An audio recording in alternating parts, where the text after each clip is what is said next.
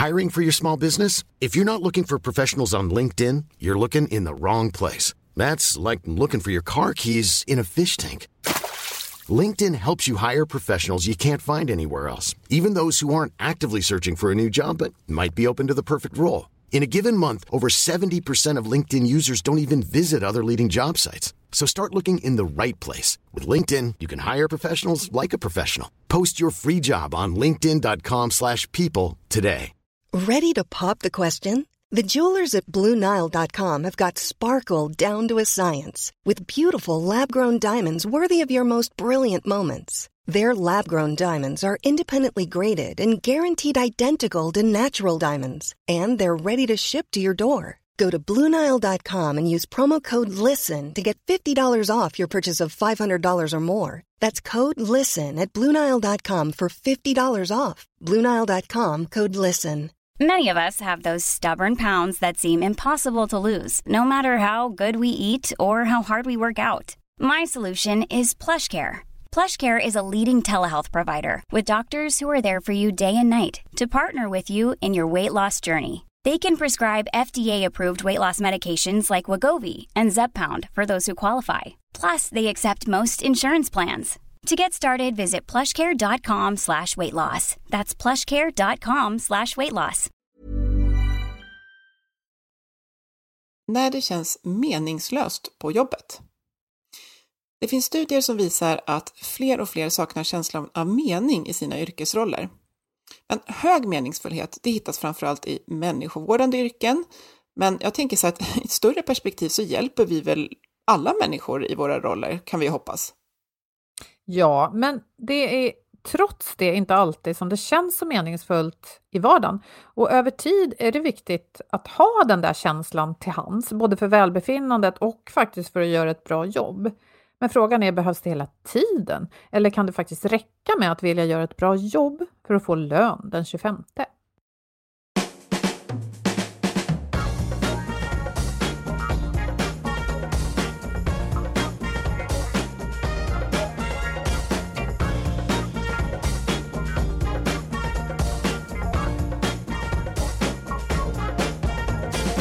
Du lyssnar på Health for Wealth. Det är en podd om hälsa på jobbet. Hälsa handlar ju om så mycket mer än att knapna morötter och springa runt i tights. Ja, för hälsa kan till exempel handla om bra samarbeten. Att både ha en tydlig riktning och frihet att agera självständigt. Och trygga ledare som har tid att leda. I den här podden då tar vi ett helhetsgrepp på hälsan på jobbet. Allt ifrån hur vi hanterar gränslöshet, digitalisering och stillasittande till hur vi tillsammans bygger arbetsplatser där människor både mår bra och presterar. Vi är Ann-Sofie Forsmark, jag driver företaget Oxigroup. Och Boel Stier, kommunikationskonsult. Lyssna på oss för inspiration, kunskap och idéer varje vecka. För dig som är chef, ledare, jobbar med HR eller är medarbetare av något annat slag. Har ditt engagemang för ditt jobb, har det förändrats under den här tiden av förändrade arbetssätt under pandemin, Boel? Mm, både och kanske. Eller ja är nog svaret. Alltså, kortfattat, eh, mer fokus på jobbet kontra det här lite enahanda, sitta hemma hela tiden. Det har nog lett till att jag har lagt mer kraft på jobbet, men även på familjen och lite mindre på den större vänkretsen. Så ja, jobbet har fått en större, ett större utrymme i mitt liv och det har nog också inneburit större engagemang. Mm. Du då? Ja, no, nej men jag kan också känna att um jag vill göra skillnad på engagemang och, och, och, och, motivation till en början. Att jag, engagemanget är lika högt, för det är att jag brinner för det jag gör och vad det leder till. Eh, men att motivationen till vissa arbetsuppgifter har förändrats på grund av att arbetsuppgifterna utförs på ett annorlunda sätt. Och att inte träffa människor på samma sätt, det gör att jag inte på samma sätt ser exakt hur viktigt det jag gör är och det kan påverka motivationen. Eh, och, och vi kanske ska stanna lite kring det där med just motivation och engagemang, för att definitionen på engagemang, det är att vara att, vara de, att känna sig delaktig i någonting och visa stort intresse för det, att känna sig engagerad. Och jag ville ta det exemplet med att jag kan vara jätteengagerad i hur det är på jobbet, men det betyder inte nödvändigtvis att jag på morgonen när jag vaknar vill gå dit, för jag kanske har åsikter om hur det är på jobbet som gör att jag inte vill gå dit just då. Men mitt engagemang kring jobbet är stort. Eh, så om jag är väldigt kritisk till hur jobbet utförs, jag kan eh, ha åsikter som inte alls är särskilt positiva, då menar du att jag känner ett starkt engagemang. Men om det är så negativt laddat just för tillfället, då har jag kanske inte en jättehög motivation till att påbörja just den arbetsdagen. Är det så du menar? Så, så har jag tänkt kring det här när vi just idag då återvänder till ett avsnitt som vi spelade in för länge sedan. Mm. Eh, och du kan vara jätteengagerad i det som ni ska göra på jobbet, eh, i det syftet, men du kan vara missnöjd med hur det liksom utförs och det kan påverka motivationen. Eh, och det här tycker jag är intressant när man ofta återkommer till den här gallupundersökningen som vill ha några år på nacken, där man säger att väldigt få är engagerade på jobbet. Och jag tänker att det är viktigt att göra distinktionen i att eh, ja, de kanske inte är engagerade i, i sin roll, men det är inte oengagerade människor. De kanske är jätteengagerade, men i andra saker och för andra Eh, frågor. Så. Mm. Ja, men intressant. Bra så här, tankefrön tänker jag att ta med in i det här avsnittet. Och i det pratar vi också om hur engagerad man faktiskt måste och bör vara. Alltså, kan vi göra ett riktigt bra jobb med fokuset på att just göra ett bra jobb och sen gå hem och, och påstå att nej, jag är inte särskilt engagerad? Ja, frågan är. Varsågod och lyssna. Idag ska vi, jag tror att vi påbörjar ett ämne idag som jag tror att vi kommer fördjupa oss i och få komma tillbaka till. Och eh, vi kommer nog inte komma i mål om alls, men eh, det känns viktigt att prata om. Och det är när det inte känns bra på jobbet, när man inte känner sig motiverad och engagerad. Därför att det pratas det väldigt mycket om nu att man ska göra. Och jag är helt övertygad om att det kan man inte göra hela tiden, men man kan göra mycket åt det. Eh, och personligen så håller jag just nu på att läsa den här boken som heter Bullshit Jobs av antropologen David Greber. Och han resonerar kring människor som just upplever att de, de har ett jobb som känns helt meningslöst. Och nu kanske vi inte tar den extremen idag, men det bygger också lite på att Maynard Keynes förutspådde då att vi, där vi är nu, skulle, bara skulle behöva jobba 15 timmar i veckan. Därför att teknologi skulle liksom stötta oss. Och det, det pratar vi om här, att så ser det inte ut. Vi Nej, ju... det är det här målet vi, vi har pratat om, eller om vi som mänsklighet då i, vad är det, över 150 år i alla fall, mm. och trott att det kommer snart. Men det gör det ju aldrig. Nej. Utan istället verkar det som att de som har jobb bara jobbar mer och mer. Och sen mm. är det i olika omgångar då, folk som hamnar utanför eh, arbetsmarknaden. Men det här med meningslöst, jag har haft jobb som har känts meningslöst. Ja, och vet du, vet du hur jag kände det framför allt? Nej. I magen. Ja. Det gjorde ont att gå, alltså det gjorde ont i magen när jag mm. gick till jobbet på morgonen.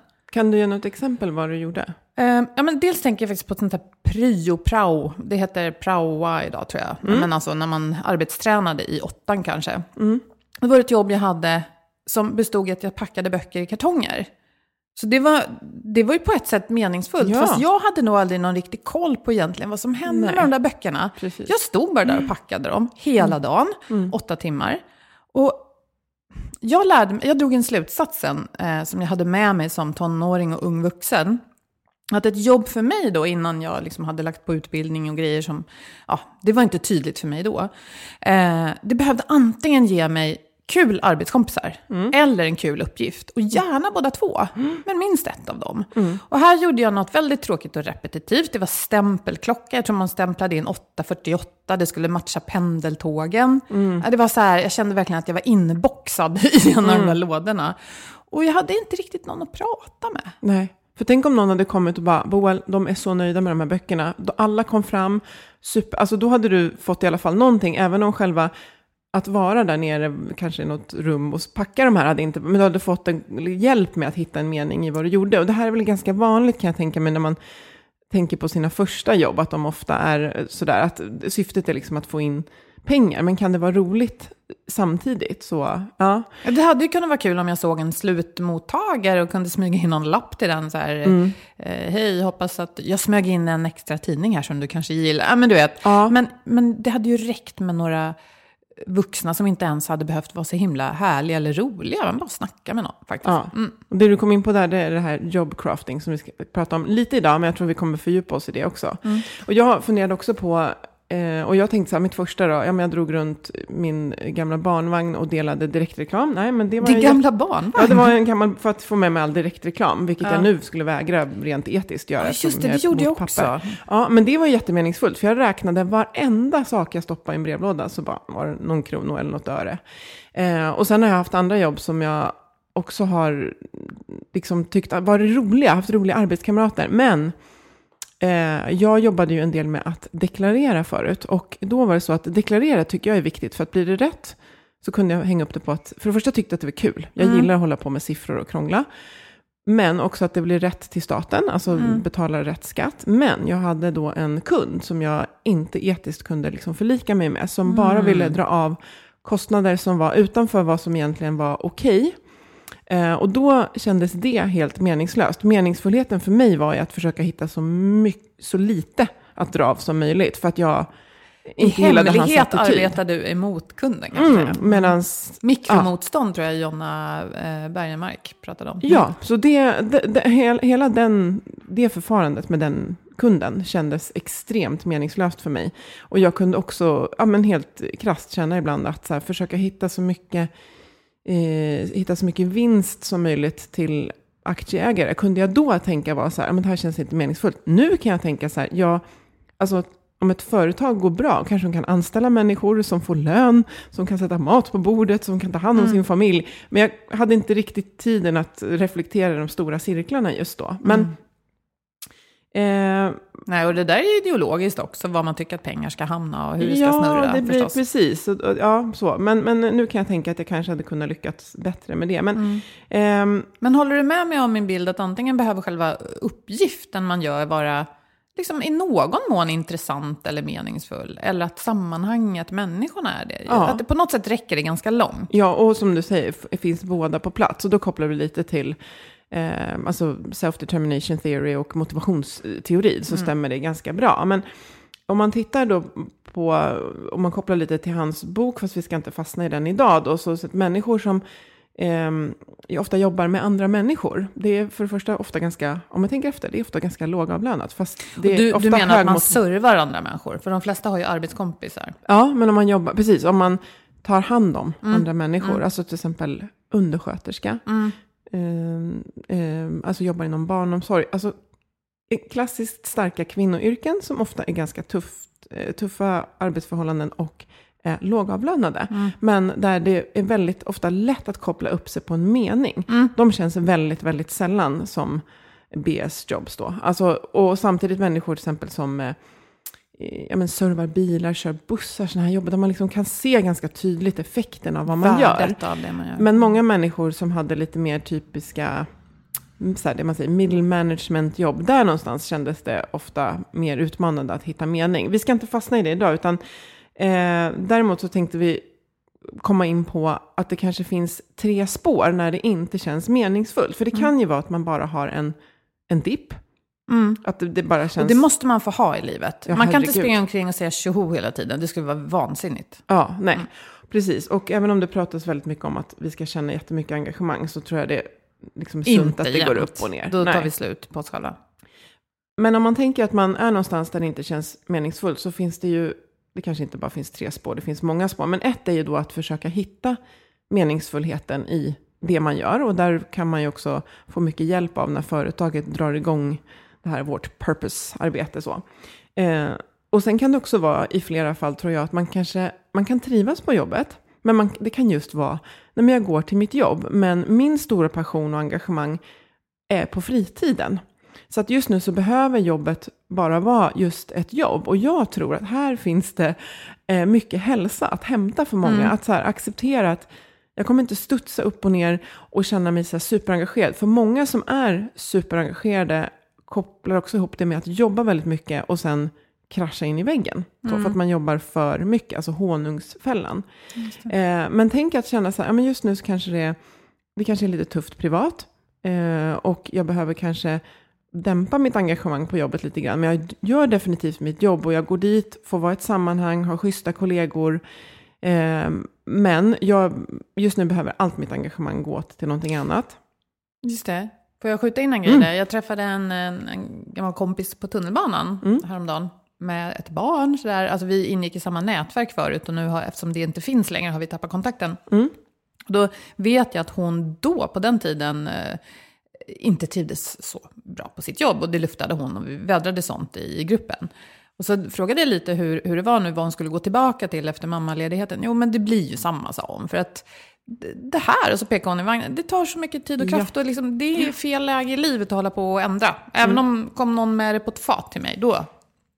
Så att ibland kan jobbet ge eh, stadighet, en struktur och någon typ av sammanhang där man behövs. Och då kanske det räcker ett tag i alla fall. Ja, jag tror många är där just att ja, men just nu så gör jag ingenting för att jag har små barn. Och det betyder inte, tror jag, som sagt, att man behöver eh, göra ett dåligt jobb. Jag tror att man kan vara d- jättebra på jobbet, men att man, man bara, gud, jag känner inte igen mig i det där ah, superengagerade, studsa, göra karriär. Bara, det kanske inte är just nu. Och sen har jag också, eftersom jag har många löparvänner, så tror jag, eh, och jag har exempel inom den grupperingen, att löpningen är jätte, jätteviktig. Och då behöver man ha ett jobb som inte tar, alltså engagemang ger ju energi, självklart. Men att man är rätt okej med att ha ett jobb där man inte just studsar in, för att man studsar ut. Det måste funka på jobbet, men man ser fram emot sin träning till exempel efter jobbet. Och det Och då är, kanske man har kraft kvar till Ja. det, om man inte har gått eh, in med liv och lust och 100% av både hjärna och hjärta i jobbet Mm. kanske.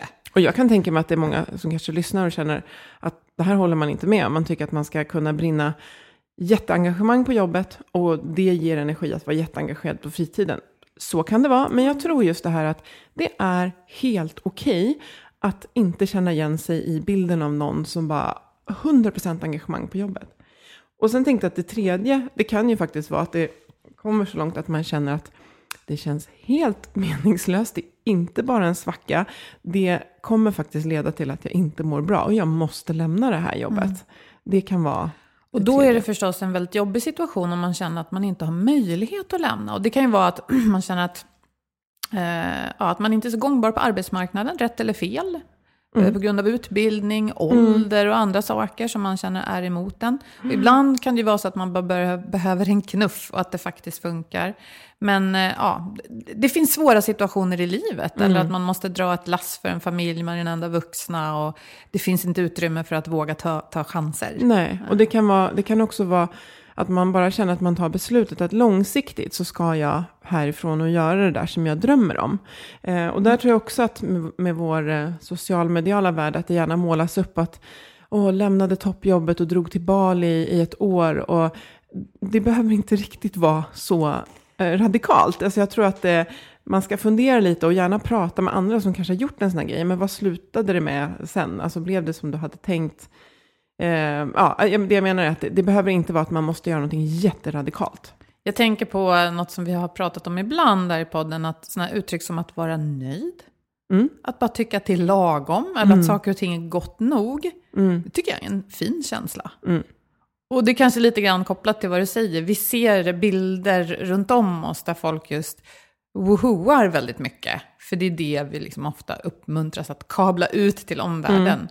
Men det, det är nog en falsk bild eh, att tro då att folk håller på så hela tiden. Eh, Gott nog kan vara jättebra. Ja. Men om man känner att det är alldeles för stilla och att man saknar något, att den här känslan i magen börjar växa, då ska man ju göra någonting åt det. Och eh, jag tänker bara, om man är en sån här rävsax och känner jag skulle vilja förändra någonting, men hur sjutton då, jag sitter fast. Ta hjälp av andra människor runt omkring. Alltså, det är ju så självklart, men jag vill bara säga det. Att prata med andra och bara lufta sina problem kan ju ofta ge nya idéer och ingångar. Precis, för att eh, ofta är det väldigt surriga tankar och känslor i huvudet. Och man behöver, precis som när jag föreläser om stress, man behöver skapa den här tigen. Alltså du behöver liksom skapa en tydlig definition av vad det är som inte känns bra. Det kan krävas väldigt många frågor varför sådär. Mm. Är det tigen, det Men- som inte känns bra?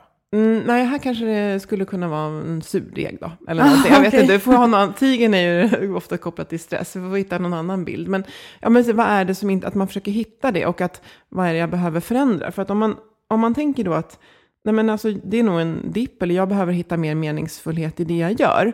Och då kan det ju faktiskt vara att ja, man kanske inte känner att man etiskt inte håller med om det företaget står för, eller organisationen.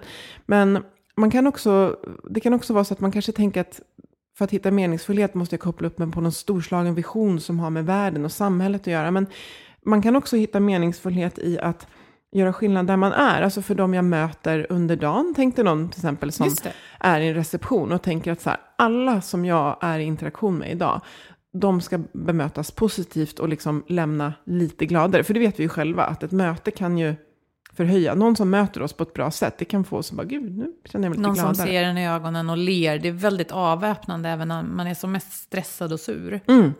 Men där är förstås också risken att man dränerar sig själv för man bara ger och ger hela dagen. Så att, ja, Ja. balans är ju viktigt. Ja, men där kan det också vara att du ger, men du får ju ofta tillbaka. Om du ger Sant. surt, får du tillbaka surt.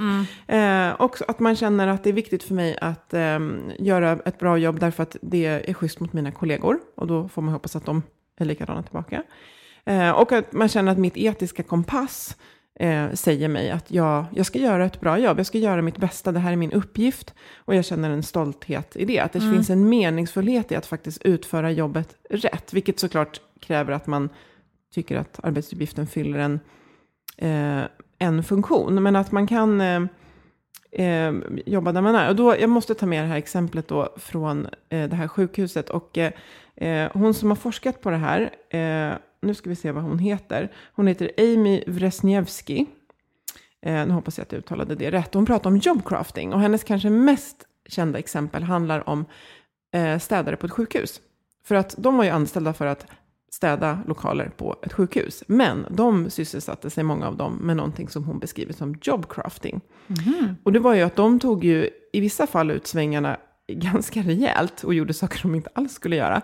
Men det var deras sätt att hitta ett meningsfullt förhållande till sitt jobb. Så att, att Men berätta lite mer, för städa är meningsfullt Ja. i sig därför att det blir rent och så. Oh ja. Däremot kan det kanske vara tråkigt. Mm. Så att det, det var ju så här, ja men du ska hålla rent i den här sjukhussalen. Det skulle kunna vara något. Vad gör du? Nej men jag städar sjukhussalar. Eh, nej, det var- gjorde inte de här. Utan de såg sitt jobb som att gå runt och se vilka patienter som kanske höll på att börja gråta, mådde lite dåligt. Eh, några av dem försökte hitta sätt, hur, hur kan jag liksom ge den här personen vatten?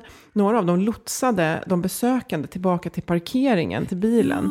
Och en eh, kvinna, det här tyckte jag var, jag började nästan grina när jag hörde det, men hon eh, flyttade om tavlor i rummet eh, hos människor som var i koma, vilket de, om man då gissar, inte upplevde. Men så fick hon frågan varför gjorde hon det? Nej, men hon, hon tänkte att det kunde väcka någon stimulans, att de skulle liksom vakna. Hon hade inte slutat att se dem som eh, eh, riktiga människor. Nej, precis. Och hon hade liksom kreativt då räknat ut att om jag flyttar runt tavlorna mellan olika salar så händer det någonting.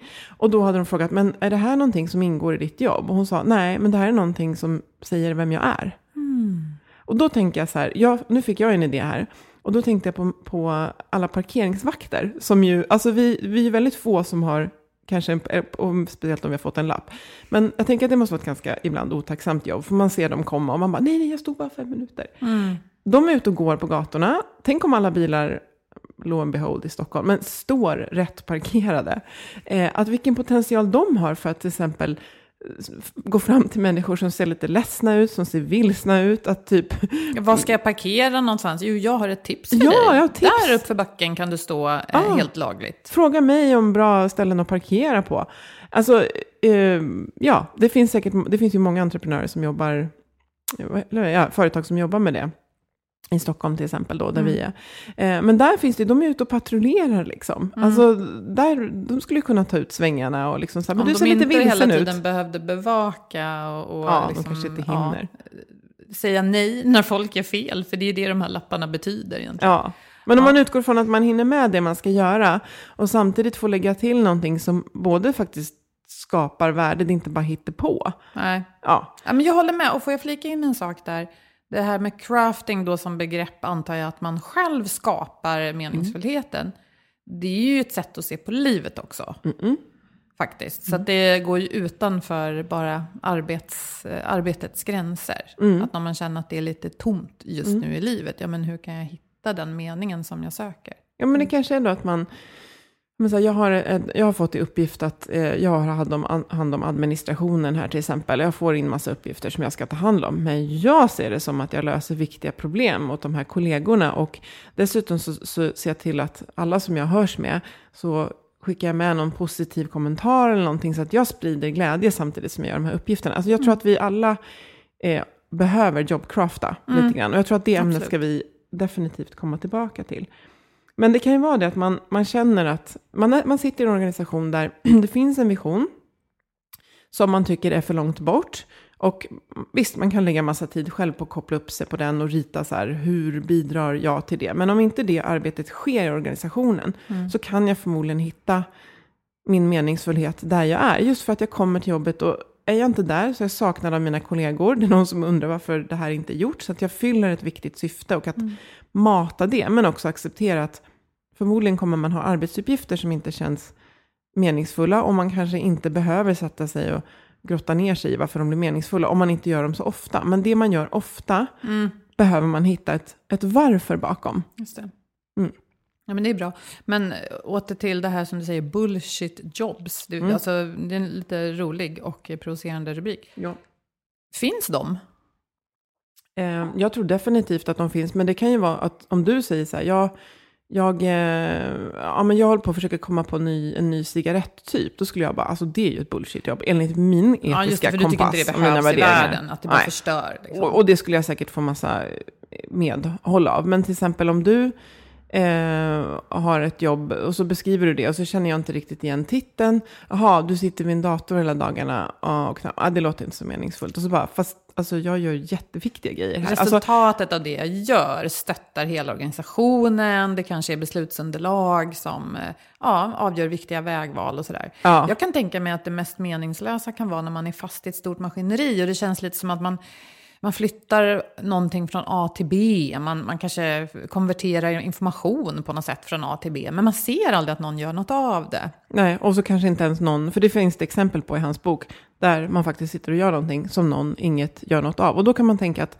om det inte är någon som drar nytta av det du gör, du själv inte ser någon nytta av det, eh, då kan ju det vara the bullshit. Ja. Men det kanske är så att du får lön som gör att du kan ja, utfodra dina barn och din familj. Alltså, då är ju inte det bullshit ur För det dig, perspektivet. Nej, det resulterar i något Utan som det, betyder något. ja, men det finns ju den här klassiska anekdoten med de här tre männen som sitter och hugger sten. Och så frågar man, men vad gör du? Ja, ja, ja, jag hugger sten. Och nummer två, nej men jag, jag jobbar för att få brödföda till min familj. Och den tredje pekar och säger, jag håller på att bygga den här katedralen, visst blir den fin? Alltså, Just det. Det Mm. exemplet hörde jag eh, nyligen, det var ganska bra. ja, den, är, ja den, den dras ofta. Och det är ju, ja, det kanske inte är så kul att hugga sten. Det, därifrån kanske vi vill förflytta oss till att känna att ja, men jag, jag, jag tjänar pengar, det är rätt okej. sådär. Men så att bullshit jobs, det, det finns nog ingen, det är ju en väldigt subjektiv benämning. Och vad som är ett bullshit jobb beror ju på. Eh, men jag kan just tänka så här, när man gör någonting där man inte ser någon nytta av det själv, då är det ett bullshit jobb för mig. Och det kommer förmodligen få mig att inte ha så himla roligt över tid. Alltså om jag ska dra in brödfödan till familjen, då kan jag ju kanske göra det med någonting som också känns meningsfullt. Den kombon borde gå att få till. Ja, och om man ska ta det väldigt krasst så frågan är om ett företag ens borde betala någon för att göra en uppgift som inte leder till någon form av värde. Då är det nog fel på organisationen. Ja, men, men eh, Och så jag vet det inte många om, gånger. Ja, men alltså, jag tror att det, alltså, jag har varit med, flera- eftersom jag har varit i en stor organisation, eh, både i större och mindre, där det har liksom dragits igång eh, projekt som man bara så här, wow, det här blir, och sen hör man liksom så här, oj, det vart inget produktivt av det, och då kan man i efterhand tänka att ja, det var, eh, man, kanske, man lär ju sig alltid någonting, det är ju det, oftast lär man ju sig jättemycket av grejer som man drar igång. Så att, ja, vi får nog återkomma till bullshit, för det går inte att säga exakt vad det är, utan det är en Nej. upplevelse. Och att våga misslyckas, det säger man ju väldigt mycket nu för tiden. Fail fast och sådär, det ska man göra för annars kan man inte lära sig något. Det är väl om det pågår länge. Jag menar, det är som ett förhållande, alltså vänskap eller, eller äktenskap där man inte ser någon mening. Där man inte ger varandra något, där man är maskiner som bara, ja. Då kan ju i och för sig trygghet vara något. Och det, kan- så kan det vara, att om ett jobb ger trygghet. Ja. Jag har en struktur, jag går någonstans på morgonen, jag går hem på kvällen. Jag mm, upplevs som behövd, jag har ett sammanhang. Ja, Och en lön då. Men så att, precis, att det, att det är tre, men kanske tre delar. Att antingen så behöver man jobba på att hitta meningsfullheten där man är. Eh, och det kan jag känna ibland när jag ska ta mig an något lite större som, som känns trögt. Så hittar jag meningen och kopplar upp mig på den så känns det roligare. Eh, och sen kanske då att man kanske är någonstans där det känns som att man förväntas vara jätte, jätte, jätte engagerad. Och man känner att jag nöjer mig med att inte vara jätte, jätte engagerad. Jag vet att jag gör ett bra jobb och jag trivs här. Men jag har ett jättestort engagemang någon annanstans. Men jag känner ändå att jag liksom levererar. Och det tredje är just att om det bara känns, det här känns inte bra. Och, då, det är precis, och jag måste byta arbetsplats eller byta spår. Och det är då jag tycker att man verkligen ska lägga tid på att, som du säger, bolla med andra, ta hjälp, kartlägga. Därför att gräset är inte alltid grönare på andra sidan. Och ibland är det inte förflyttningen från det man gör som är lösningen. Och man må, jag, menar, jag tänker som jättemånga som säger, kanske jag har sagt till dig förut också, så, Gud, det verkar så härligt att vara egen. Ja, alltså jag älskar att vara egen, men men, men definitivt så att det inte passar alla. Och, mm, ja, precis. att man verkligen målar kartan. Sen kommer man aldrig veta vad man, vad man är på väg emot. Men däremot kan jag tänka, någonting som jag tror på, av sig att man är på ett jobb, där man känner sig super, super engagerad och älskar sitt jobb. Men man känner också att det är väldigt, väldigt mycket att göra och väldigt, väldigt slitigt. Då kan jag tänka att, jag undrar om vi behöver vara engagerade så här fruktansvärt många timmar i veckan. Alltså, måste vi vara engagerade 40-40 plus inklusive resa? För där har jag en tanke om att man faktiskt kan fördela om sin tid lite grann för att hinna med mycket av det som man säger att man inte hinner. Jag skrev ett blogginlägg om det här faktiskt, som bara var, alltså ingen lösning på liksom något samhällsproblem, men bara så tankar hur jag själv har tänkt lite runt att inte gå ner i tid, för ibland jobbar jag också liksom hysteriskt mycket, men, men att alla de sakerna som man säger att man längtar efter och inte hinner. Och sen så ser vi ofta att vi kanske, ja, men kanske sitter i lite onödiga möten och sådär. Och så mm. kanske jag kan gå ner lite i tid. Att om man... Skära ner lite BS ja. på jobbet för att få in uh, mer meningsfulla saker kanske. Ja, men också så här, våga säga, men jag skulle inte hinna gå ner i tid för då hinner jag inte allt det här. Alltså, jag tror att det går att skrapa. Om jag vore din arbetsgivare nu när du säger det där. Mm. Då skulle jag, arbetsgivare, chef, ja, vad du vill. Då skulle jag vilja höra det du säger. Och så skulle jag vilja tillsammans med dig diskutera möjligheterna att, ja men vad är det du ser som inte tillför något? Mm. Antingen att ta bort de timmarna så du kan springa mer eller göra någonting mm. utanför jobbet. Eller vad skulle du vilja göra på jobbet? Vad tycker du saknas? Mm, så vi ska också ta upp den, den här vinkeln meningsfullhet, tänker jag, utifrån ja, vad en chef och ledare kan göra. Absolut, för det blir ju en, en dialog. Men, ja. men det jag märker till exempel som många säger att de inte hinner med, som jag kan ge som exempel, man skulle kunna Eh, säg att man jobbade sex timmar istället för åtta timmar per dag. Mm, då har du två timmar extra per dag. Du skulle kunna umgås med människor som du inte hinner med. Till exempel kanske hämta dina barn, eh, om du har barn, en halvtimme tidigare. Du skulle kunna vara ute i naturen, mm. vilket vi alla kanske inte längtar dit. Eh, och då kanske det är något annat. Men Många säger, åh jag skulle vilja ut i skogen. Okay. Kunna sitta på en eh, nattklubb, eller ja. jazzklubb lite längre på kvällarna. Ja. eh, man skulle kunna hinna transportera sig klimatsmart till och från jobbet till exempel. Om man känner att eh, ja, men jag hinner inte cykla eller springa, kanske man hinner göra något av det. Hinna man, förkovra sig ett intresse. Ja, precis. Den är med. Att man kanske kan ta upp en hobby som man har saknat. Man kanske hinner gå med i en bokklubb, sjunga i kör, mm. spela ett instrument, vad det nu mm. kan vara. Eh, och just att man säger, ja, men jag hinner inte laga mat. Då kanske man kan lägga lite extra tid på att mm. laga mat. Och eh, någonting som jag funderat på, att handla second hand, det tar längre tid än Just att handla nytt. Mm. Men det har ju jag nu grej att jag inte ska handla någonting nytt. Så nu måste jag göra det och då, då tar det lite extra tid. Mm. Men alltså man har säkert någonting själv på en lista som man känner att man inte... Och det är inte farligt att bara ha extra tid och inte veta vad man ska göra med den. Nix. Det är inte farligt alls, det kanske Nej. till och med är väldigt hälsosamt. Ja, slänga sig på soffan och läsa och jag en riktig bok. Känner, ja, känner att jag drar ett djupt andetag när jag, jag tänker på det. Ja, du ser. Ja. Så att eh, nu, nu eh, skickar vi inte ut att alla ska gå ner i tid, men just att apropå att känna sig engagerad så kanske man håller det engagemanget och den lågan vid liv, mm. tror jag, över tid. Om man eh, kanske inte lägger riktigt så mycket tid alltid som det, ja, som det verkar vara norm att göra. Ja, Kanske kan engagemanget för jobbet, hur meningsfullt det än är, minska om det tränger undan annat som också är meningsfullt i livet. Ja, det tror jag. Jag tror att vi där också kommer in på ett annat ämne som handlar om våra värderingar. Att om jag har en värdering att mitt jobb är viktigt för mig, det är viktigt att göra ett bra jobb och att det vi gör på jobbet är viktigt. Men det får inte ta över annat som är meningsfullt och som engagerar mig i mitt liv, till exempel familjen eller något fritidsintresse. Så att Eh, ja, jag, jag, tror att eh, absolut engagemanget för jobbet kan påverkas av eh, hur, hur mycket plats det tar i, i våra liv såklart. Mm.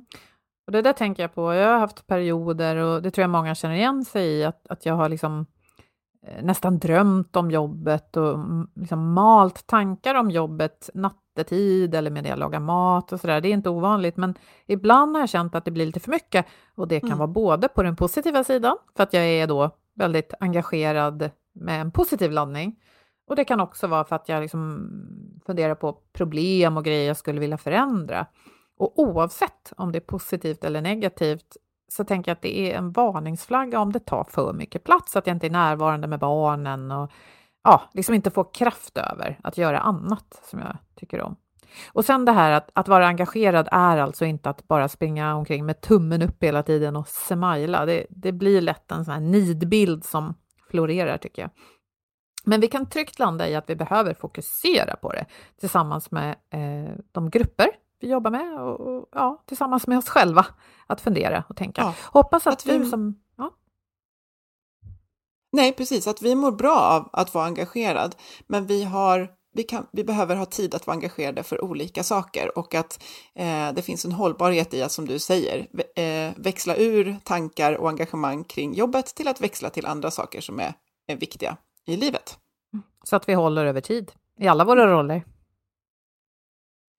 Och eh, ja, mer hjälp kan du få eh, kring och resonera kring engagemang hos vår samarbetspartner motivation.se. Och det finns massor av artiklar på ämnet just engagemang och vi har valt en som handlar om hur man kan utveckla medarbetarna till högre engagemang. Och den är skriven av en av mina favoritskribenter på motivation.se, Jim Wallenberg. Den heter Utveckla medarbetarna och skapa engagemang och vi länkar till den förstås från det här inläggets sida på vår hemsida eller i din poddapp. Och med det så tackar vi dig som har lyssnat, våra samarbetspartners Motivation.se och Agda Media för den här produktionen. Följ oss jättegärna på LinkedIn, kommentera våra inlägg där och säg hej så hörs vi om en vecka igen. Ha det bra, hej då!